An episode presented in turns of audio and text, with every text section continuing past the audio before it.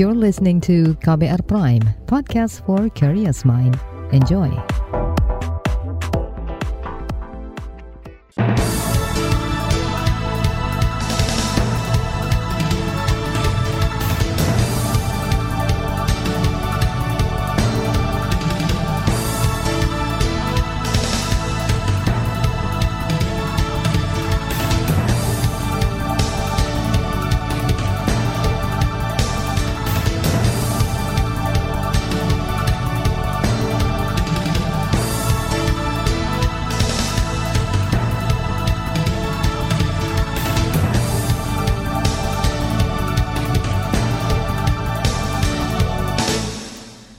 Selamat pagi saudara, senang sekali kami bisa menjumpai Anda kembali melalui program Buletin Pagi edisi Rabu 27 Juli 2022. Bersama saya Naomi Liandra. Sejumlah informasi pilihan telah kami siapkan di antaranya kewajiban pemenuhan kebutuhan domestik minyak sawit mentah bakal dicabut. Mendagri akan sanksi kepala daerah yang tak gunakan produk lokal. Ricu, supporter Persis Solo, Wali Kota Gibran, minta maaf. Inilah Buletin Pagi selengkapnya terbaru di Buletin Pagi. Saudara, pemerintah berencana mencabut kewajiban pemenuhan kebutuhan domestik atau Domestic Market Obligation DMO minyak sawit mentah crude palm oil atau CPO. Menteri Perdagangan Zulkifli Hasan beralasan keputusan itu diambil untuk mendongkrak harga tan dan buah segar TBS yang anjlok dan merugikan petani. Namun kebijakan tersebut mendatangkan polemik karena dikhawatirkan membuat harga minyak goreng kembali meningkat. Staf khusus ekspor dan perdagangan luar negeri Kemendak Oke Nurwan menjelaskan, kebijakan tersebut masih dikaji dengan tetap mengutamakan kebutuhan dan pemerataan CPO dalam negeri. Kata-kata yang harus digawa, ya, digarisbawahi adalah prioritas kepentingan rakyat tadi. Implementasinya saat ini sudah mulai melimpah walaupun belum merata. Kami pahami, tapi harga-harga di minyak goreng di sekitar Jawa dan sebagian Sumatera sudah sangat kondusif. Tinggal ada beberapa tempat yang masih belum terdistribusi secara optimal. Sedang kita optimalkan. Oke menegaskan saat ini Kemendak tengah memastikan komitmen para pelaku usaha untuk menjamin pasokan CPO dalam negeri aman. Jika dirasa cukup, maka relaksasi ekspor akan diberikan bertahap. Menurutnya harga TBS tidak akan langsung meningkat setelah kebijakan DMO dicabut. Namun ia optimistis harganya akan mulai merangkak dari 2.000 ke 4.000 per kilogram. Untuk saat ini harga minyak goreng curah di sebagian besar wilayah Indonesia sudah sesuai harga eceran tertinggi HET, yakni Rp14.000 per liter. Sedangkan minyak goreng kemasan antara Rp32 hingga Rp39.000 per 2 liter. Bagi kalangan pengusaha, rencana pencabutan DMO adalah berita baik. Direktur Eksekutif Gabungan Industri Minyak Nabati Indonesia GIMNI, Sahat Sinaga mengatakan pencabutan tersebut sudah tepat dan objektif. Pasalnya selama ini arus ekspor CPO terhambat aturan tersebut. Jadi supaya orang masyarakat itu tahu logika berpikirnya bagaimana gitu ya. Maka kita usulkan DMO itu dihapus saja, tidak ada manfaatnya. Devisa kita berkurang, kita mengekspor lambat, padahal komposisi produk Indonesia karakteristiknya itu hanya 35 persen dari produksi kita itu bisa diabsorb domestik, sedangkan 65 persen ekspor. Menurut Sahat, mengekspor kelapa sawit dan produk turunannya tidak mudah. Diperlukan manajemen biaya dan pendekatan terstruktur. Ia khawatir jika kebijakan DMO dan DPO diberlakukan dalam jangka panjang akan menurunkan kepercayaan dunia terhadap Indonesia sebagai eksportir CPO. Sementara itu, kalangan parlemen tak sepenuhnya sependapat dengan wacana pencabutan DMO dan DPO atau harga penjualan minyak sawit yang sudah diatur pemerintah. Anggota Komisi Perdagangan DPR Amin Aka meminta pemerintah berhati-hati terhadap rencana mencabut aturan DPO dan DMO produksi kita itu melimpah. Sekarang tinggal pemerintah membuat kebijakan. Itu kan sebenarnya tata tata kelola, tata niaganya dari pemerintah. Kalau pemerintah itu tegas, bahwa tinggal ngatur saja lah. Kebijakannya itu menguntungkan petani sawit, juga tidak merugikan para konsumen minyak goreng. Baik konsumen untuk rumah tangga maupun konsumen uh, yang mereka membutuhkan minyak goreng untuk uh, bagi sumber penghidupan mereka. Meski begitu, Amin mendukung pembukaan keran ekspor lantaran selama ini stok CPO dalam negeri sudah melebihi stok. Apalagi sejak diberlakukannya pembatasan ekspor, petani sawit banyak merugi lantaran harus tetap merawat sawit walau harga jual TBS terus anjlok. Catatan juga diberikan Lembaga Kajian Ekonomi Indef merespons rencana pencabutan DPO dan DMO. Direktur Eksekutif Indef Tauhid Ahmad menyarankan pemerintah mengkaji ulang keputusan tersebut, sebab harga CPO dunia masih fluktuatif. Menurutnya, kebijakan DMO tidak harus dihentikan sepenuhnya demi menjaga pasokan dan untuk memastikan harga CPO dalam negeri tetap stabil jumlah DMO-nya jangan sebesar itu. Kan 20 persen mungkin 10 persen aja. Kebutuhannya kan paling di, di bawah 10 persen. Atau 20 pasti itu akan melimpah. Stoknya kan di bulan Mei itu saya lihat data dari GAPKI itu 7 juta ton. Rata-rata stok nasional itu per bulan ya untuk domestik itu sekitar 3 juta ton. Jadi ada over gitu, tangki penuh banget. Karena apa? Konsumsi domestik nggak bisa ditambah, emang segitu rata-rata. Tauhid mengatakan penghapusan DMO DPO secara total bakal berpengaruh terhadap harga CPO dalam negeri. Sebab ada potensi pengusaha lebih melirik pasar ekspor ketimbang menjualnya di dalam negeri. Itu karena sudah tak ada kewajiban DMO. Tauhid memperkirakan harga CPO akan membaik seiring situasi pandemi dan krisis global yang terkendali. Menurutnya harga anjloknya harga CPO saat ini karena ekonomi melambat sehingga permintaan dari sejumlah negara turun. Informasi soal transformasi sistem kesehatan di Indonesia akan hadir sesaat lagi. Tetaplah di Buletin Pagi KBR.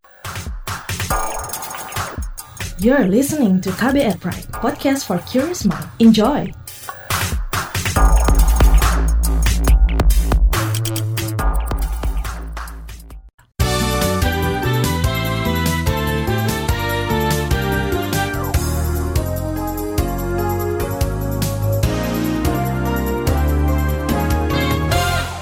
Anda sedang mendengarkan buletin pagi KBR.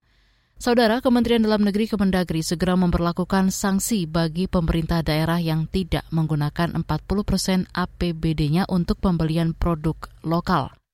Menteri Dalam Negeri Tito Karnavian mengatakan sanksi itu akan diberikan kepada pejabat yang menyetujui rencana belanja barang, modal, dan jasa di daerah tanpa lampiran belanja produk lokal 40 persen. Apa pun sanksinya kita kembalikan kepada Undang-Undang 23 14 tentang pemerintahan daerah di mana ada tahapan-tahapan saksi mulai dari warning sampai ke yang lain lah. Dan tolong rekan-rekan pahami betul kalau ternyata ternyata ada yang melakukan mengapprove ya, menyetujui kabupaten kota tanpa ada lampiran itu, itu akan menjadi catatan bagi kami dalam rangka untuk proses pembinaan karir rekan-rekan sekalian. Mohon maaf, saya menyampaikan apa adanya Menteri Dalam Negeri Tito Karnavian mengingatkan para bupati dan wali kota melampirkan usulan APBD dengan rencana pembelian produk lokal ke gubernur. Menurut Tito, gubernur dimandatkan menolak usulan dari bupati wali kota jika lampiran yang diajukan tidak sesuai ketentuan. Kebijakan itu merujuk arahan Presiden Joko Widodo dalam penggunaan produk lokal. Kita beralih ke informasi hukum. Kejaksaan Agung saat ini menyidik dugaan korupsi pengadaan tower transmisi perusahaan listrik negara PLN 2,2 triliun lebih pada 2016. Perkara ini terungkap ketika tidak ditemukannya dokumen perencanaan pengadaan tower transmisi pada daftar penyedia terseleksi DPT perusahaan pada 2015. Padahal kegiatan pengadaan baru dilakukan pada 2016. Jaksa Agung Senitiar Burhanuddin. Saat ini tim penyidik telah menemukan peristiwa pidana dugaan tindak pidana korupsi pada proyek pembangunan independen power production fast track atau program tahap 1 dan pengadaan tower dan konduktor transmisi tahun 2016 pada PT PLN yaitu dengan ditemukannya fakta-fakta perbuatan melawan hukum atau penyalahgunaan kewenangan kesempatan atau sarana yang ada padanya kira jabatan atau kedudukannya Burhanuddin menambahkan perkara itu telah naik ke tahap penyidikan sesuai surat perintah pada 14 Juli 2022. Penyidik telah menggeledah dan penyitaan barang bukti di tiga titik lokasi, antara lain di PT Bukaka dan apartemen pribadi.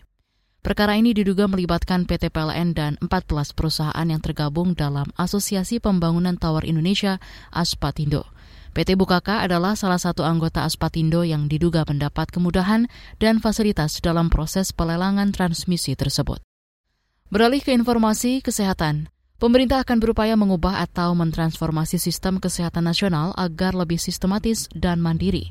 Menteri Kesehatan Budi Gunadi Sadikin mengatakan Indonesia harus mampu menyediakan sarana dan prasarana kesehatan agar tidak tergantung pada negara lain semua obat-obat esensial, semua alat kesehatan esensial minimal 50% 60% harus diproduksi dalam negeri hulu ke hilir. Bukannya masalah nasionalisme atau ekonomi enggak, karena pengalaman kita kemarin. Kalau kita mesti import di lockdown mati kita. Masker nggak ada, antivirus nggak ada, obat-obatan dasar nggak ada. Dengan 270 juta rakyat, is too big of the risk. Kalau kita nggak membangun dari hulu ke hilir industri esensial. Menteri Kesehatan Budi Gunadi Sadikin menjelaskan kemandirian dilakukan untuk menciptakan ketahanan kesehatan dalam negeri. Selain transformasi sistem ketahanan kesehatan, hal dasar lain yang perlu diubah agar lebih baik adalah layanan primer, layanan rujukan, sistem pembiayaan kesehatan, SDM kesehatan, dan teknologi kesehatan. Kita ke berita pemilu. Mahkamah Konstitusi MK meminta Partai Keadilan Sejahtera PKS melengkapi berkas pengajuan gugatan uji materi terkait ambang batas syarat pencalonan presiden atau presidential threshold di Undang-Undang Pemilu. Itu disampaikan Hakim MK Saldi Isra dalam sidang pemeriksaan pendahuluan terkait Undang-Undang Pemilu kemarin. Itu sebaiknya rujukan teoritis yang digunakan itu dilampirkan sebagai apa? Sebagai bukti argumentasi konstitusional yang bisa memperkuat bahwa angka 7 sampai 9 persen itu angka yang konstitusional. Nah kalau tidak nanti kan bisa saja orang mengatakan ini ilmu cocokologi ini dicocok-cocokkan dengan persentasenya PKS. Itu tadi Hakim MK Saldi. Sebelumnya Partai Keadilan Sejahtera PKS mendaftarkan uji materi pasal terkait ambang batas pencalonan presiden di Undang-Undang Pemilu. PKS meminta syarat ambang batas pencalonan presiden diubah dari 20 persen menjadi 7 hingga 9 persen perolehan kursi partai di DPR. Salah satu alasannya ialah syarat tersebut membuat calon presiden dan wakil presiden yang mencalonkan diri terbatas. Presiden Joko Widodo membahas sejumlah isu di tingkat global saat bertemu dengan Presiden China Xi Jinping. Selain itu, Jokowi juga membahas kerjasama ekonomi yang saling menguntungkan dalam konteks inisiatif pembangunan global atau GDI. Hal ini disampaikan Menteri Luar Negeri Retno Marsudi yang ikut mendampingi Presiden Jokowi ke China. Jika kerjasama konkret dapat diwujudkan, maka diharapkan pencapaian SDGs negara berkembang dapat lebih baik. RRT bukan hanya merupakan mitra penting bagi Indonesia, juga merupakan mitra penting bagi ASEAN. ASEAN dan RRT telah memiliki kemitraan strategik komprehensif. Diharapkan kerjasama ASEAN dan RRT dapat berkontribusi pada stabilitas dan kemakmuran kawasan yang didasarkan hukum internasional. Menlu Retno mengatakan pertemuan itu menghasilkan komitmen RRT untuk meningkatkan kerjasama ekonomi hijau, antara lain melalui pembangunan Green Industrial Park di Kalimantan Utara. Kata dia, presidensi juga komitmen untuk meningkatkan impor produk pertanian Indonesia dan merancang aksi kerjasama pengembangan kapasitas keamanan cyber dan teknologi.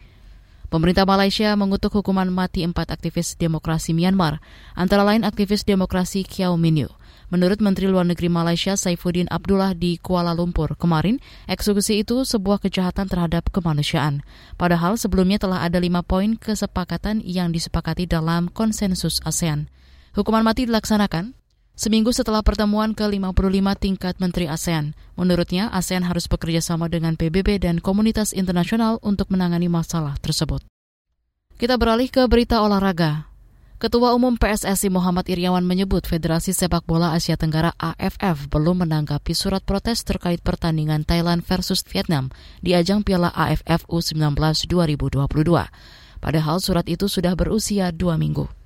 Melansir CNN Indonesia, PSSI meminta AFF membuka investigasi terhadap laga babak penyisihan antara Vietnam U19 versus Thailand U19 pada dua pekan lalu. Laga tersebut menuai kontroversi lantaran kedua tim dianggap tidak menjunjung azas fair play. Di bagian berikutnya kami hadirkan saga KBR tentang konservasi dan tingginya tarif masuk Taman Nasional Komodo. Tetaplah di Buletin Pagi KBR. You're listening to KBR Pride, podcast for curious mind. Enjoy!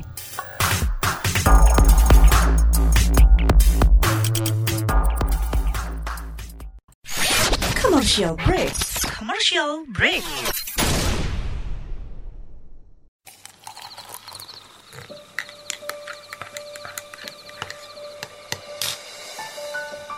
Hai, kamu apa kabar? Masih suka menikmati senja dan kopi? Aku masih ingat kebiasaan kita. Sehabis pulang kerja, selalu mencari tempat untuk sekedar ngobrol dan ngopi. Tapi kadang kita kehabisan bahan obrolan. Aku masih melakukan hal yang sama sampai sekarang tanpa harus takut habis bahan buat ngobrol karena aku selalu mendengarkan KBR sore dari Senin sampai Jumat jam 4 sore. Ah, aku rindu. KBR Inspiratif Terpercaya.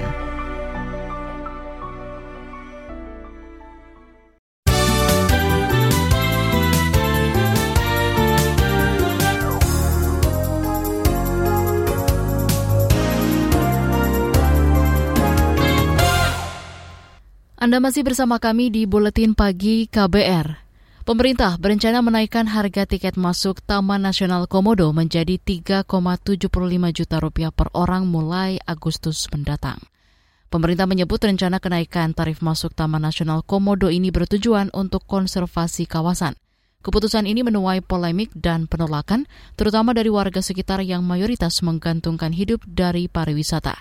Simak laporan khas KBR yang disusun Astri Yuwanasari. Kami tidak menerima, kami menolak kenaikan tiket di Taman Nasional. Jikapun hal itu tidak akan diindahkan, maka kami akan membaikot di wilayah Taman Nasional, khususnya di Pulau Komodo. Saudara, itu tadi Ihsan Abdul Amir, salah seorang pekerja pariwisata di Labuan Bajo yang ikut berunjuk rasa di depan kantor Bupati Manggarai Barat, Provinsi Nusa Tenggara Timur. Mereka menolak rencana kenaikan harga tiket masuk kawasan Taman Nasional Komodo. Ihsan mengatakan warga menolak rencana naiknya tiket masuk karena sebagian besar hidup mereka bergantung pada pariwisata. Tingginya harga tiket dikhawatirkan akan menurunkan jumlah wisatawan yang berkunjung dan menggerus usaha masyarakat di sekitar Taman Nasional. Yang pertama, masyarakat Pulau Komodo 90% berada di pariwisata. Dan itu akan membunuh ekosistem. Dan mereka, anak-anak mereka sangat kasihan ketika itu diturun, dinaikkan harga tiket. Itu yang kami perjuangkan. Kritikan terhadap keputusan pemerintah menaikkan harga tiket masuk kawasan Taman Nasional Komodo juga datang dari organisasi lingkungan Wahana Lingkungan Hidup Indonesia atau WALHI. Direktur WALHI Nusa Tenggara Timur Umbu Wulang Tanamahu Paringgi mengatakan, argumentasi pemerintah menjadikan konservasi sebagai alasan untuk menaikkan harga tiket agar dapat membatasi wisatawan yang berkunjung adalah argumentasi keliru. Umbu mengatakan jika pemerintah serius untuk melakukan konservasi di Taman Nasional Komodo, seharusnya pemerintah bisa menaikkan anggaran konservasi. Kalau mau uh, mengurus uh, konservasi, seharusnya adalah anggaran untuk kepentingan uh, konservasi itu dinaikkan. Misalnya untuk uh, bagaimana memproteksi uh, komodo dan keberlanjutannya itu jauh lebih baik. Misalnya, misalnya ya menaikkan anggaran untuk uh, pengadaan uh, sistem teknologi yang bisa memantau pergerakan uh, komodo, bisa memantau uh, genetiknya, bisa memantau proses-proses uh, ekosistem komodo itu. Atau misalnya menaikkan anggaran uh, komodo untuk membuat pusat studi, misalnya karena kita tahu NTT itu tidak ada ahli komodonya, misalnya gitu ya. Kan itu lebih lebih clear. Umbu juga mengatakan alasan pembatasan pengunjung untuk konservasi juga harus ada argumen yang masuk akal. Oh kita batasi karena komodo makin kurang. Oh kita batasi karena uh, rakyat uh, setempat itu terganggu dengan banyak kunjungan wisatawan. Oh kita harus uh, kurangi karena pengunjung-pengunjung uh, di, komodo ini banyak membuang sampah. Tapi kan argumen argumen itu nggak keluar di ruang publik gitu. Argumentasi kenapa? Karena harus ada positif negatifnya pak. Ya kan? Artinya hmm. harus harus ada faktor-faktor negatif yang mengakibatkan ya ada kebijakan untuk menghindari hal-hal uh, uh, negatif itu kan. Nah, pertanyaan kan ini tidak pernah disampaikan di ruang publik. Meskipun menuai polemik, pemerintah memastikan harga tiket masuk Taman Nasional Komodo tetap naik jadi 3,75 juta rupiah mulai 1 Agustus 2022. Harga tiket masuk ke Taman Nasional Komodo awalnya sebesar Rp150.000 per kunjungan, akan naik menjadi 3,75 juta rupiah dan berlaku setahun penuh. Wisatawan bisa berkunjung ke Pulau Komodo dan Pulau Padar serta perairan sekitarnya berkali-kali selama jangka waktu setahun setelah membayar biaya kontribusi konservasi ini dengan kuota pembatasan wisatawan yang diberlakukan selama setahun sebanyak 200 ribu orang. Presiden Joko Widodo mengatakan pemerintah menginginkan ada keseimbangan antara konservasi dan nilai ekonomi dari pariwisata. Kita ingin konservasi, tapi kita juga ingin ekonomi lewat turisme, lewat wisatawan. Ini harus seimbang. Jokowi menjelaskan pemerintah sepakat membagi kawasan TNK Komodo dalam wilayah konservasi dan wisata. Untuk konservasi, letaknya di Pulau Komodo dan Pulau Padar, sedangkan untuk wisatawan bisa menyaksikan Komodo di Pulau Rinca. Kedua wilayah tersebut akan memiliki tarif masuk berbeda. Untuk masuk Pulau Rinca, Jokowi pastikan tidak ada perubahan harga tiket. Menteri Pariwisata Sandiaga Uno menekankan kenaikan tiket terusan ke Pulau Komodo dan Pulau Padar, Labuan Bajo, Nusa Tenggara Timur diberlakukan demi konservasi lingkungan di Pulau Komodo dan Pulau Padar. Apa yang beliau sampaikan ini menjadi pedoman kita bahwa dampak yang ingin dicapai dari pembatasan kunjungan ke Pulau Komodo dan Pulau Padar di Taman Nasional Komodo ini adalah untuk aspek dan aspek konservasi dan ekonomi itu harus berjalan beriringan. Oleh karena itu kami e, mendampingi Bapak Presiden dalam upaya untuk menghadirkan pariwisata yang berkualitas dan berkelanjutan. Sandiaga mengatakan wisatawan juga bisa datang ke tempat-tempat wisata lain di Labuan Bajo, Nusa Tenggara Timur. Misalnya kawasan waterfront, Gua Baru Cermin, hingga Pulau Kelor. Demikian laporan khas KBR yang disusun Astri Yuwanasari, saya Reski Mesanto. Informasi dari berbagai daerah akan hadir usai jeda. Tetaplah bersama Buletin Pagi KBR. You're listening to KBR Pride, podcast for curious mind. Enjoy!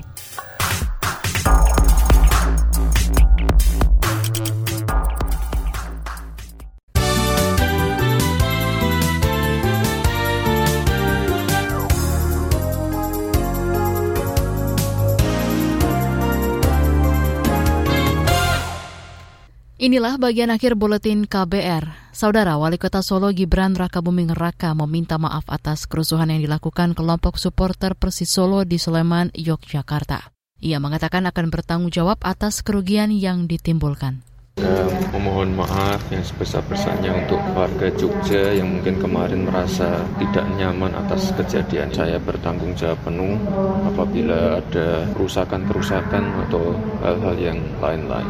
Kalau kemarin saya sudah koordinasi dengan manajemen Persis, saya sudah komunikasi dengan Kevin juga. Kemarin sudah kita identifikasi ada beberapa tempat atau warung juga yang ada kerusakan kecil itu nanti jadi tanggung jawab kami juga. Sebelumnya, rombongan pemotor supporter Persis Solo yang akan menonton pertandingan laga Persis Solo versus Dewa United di Stadion M Subroto Magelang terlibat keributan dengan warga di Jombor, Sleman, Yogyakarta. Bentrok tersebut sempat viral di media sosial lantaran mengakibatkan kerusakan dan korban luka. Masih dari Jawa Tengah, Badan Meteorologi, Klimatologi, dan Geofisika BMKG mengimbau masyarakat di pesisir selatan Jawa bagian barat hingga Yogyakarta mewaspadai potensi banjirop pada 26 hingga 27 Juli 2022. Perakirawan BMKG Stasiun Meteorologi Tunggul Wulung Cilacap, Randy Krisnawan, mengatakan potensi banjirop dipicu fenomena bulan baru yang memengaruhi pasang air laut maksimal potensi banjir pesisir atau banjirop adalah biasanya terjadi karena adanya pasang pasang naik itu adanya fenomena fase bulan baru. Jadi pasang surut salah satu faktornya disebabkan karena adanya interaksi antara gravitasi bumi, gravitasi bulan dan gravitasi matahari yang menyebabkan ketinggian gelombang antara 4 hingga 6 meter di wilayah e, perairan selatan Jawa bisa menyebabkan potensi banjir pesisir. Prakirawan BMKG Cilacap, Randy Krisnawan menyebut beberapa daerah yang berpotensi mengalami banjirop yakni Sukabumi, Cilacap, Kebumen, Purworejo, dan Yogyakarta. Ia juga mengimbau agar segala aktivitas melaut dan wisata pantai lebih mewaspadai gelombang tinggi. Terakhir kita ke Kalimantan. Seluruh dana tanggung jawab sosial perusahaan CSR di Kalimantan Timur akan dialihkan untuk pembangunan rumah layak huni. Proses peletakan batu pertama pembangunan rumah layak huni sudah dilakukan di kota Balikpapan Senin kemarin. Gubernur Kalimantan Timur, Isra Nur. Dana-dana CSR yang bekerja, wilayah perusahaan yang bekerja di wilayah Kalimantan Timur, saya hitung-hitung kurang lebih satu setengah triliun 500 miliar. Saya itu itu kalau itu mau dibangunkan ke rumah layak huni ada berapa ribu orang yang dan saya sudah meminta kepada seluruh perusahaan-perusahaan untuk tahun 2022 2023 dana CSR dihentikan untuk kepentingan lainnya kecuali pembangunan layak Gubernur Kalimantan Timur Isra Nur berharap pembangunan rumah layak huni bisa menekan angka kemiskinan sekitar 2 persen dari angka saat ini yakni 6,3 persen. Kata dia, selama ini rumah yang tidak layak huni menjadi sumber berbagai persoalan di keluarga. Salah satunya penyakit akut seperti TBC. Informasi tadi menutup jumpa kita di Buletin Pagi hari ini. Pantau juga informasi terbaru melalui kabar baru, situs kbr.id, Twitter kami di akun @beritaKBR, serta podcast di alamat kbrprime.id. Akhirnya saya, Naomi Liandra, bersama tim yang bertugas undur diri. Salam.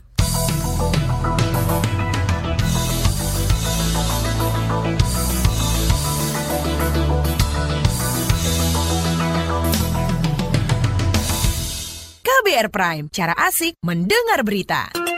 KBR Prime, podcast for curious mind.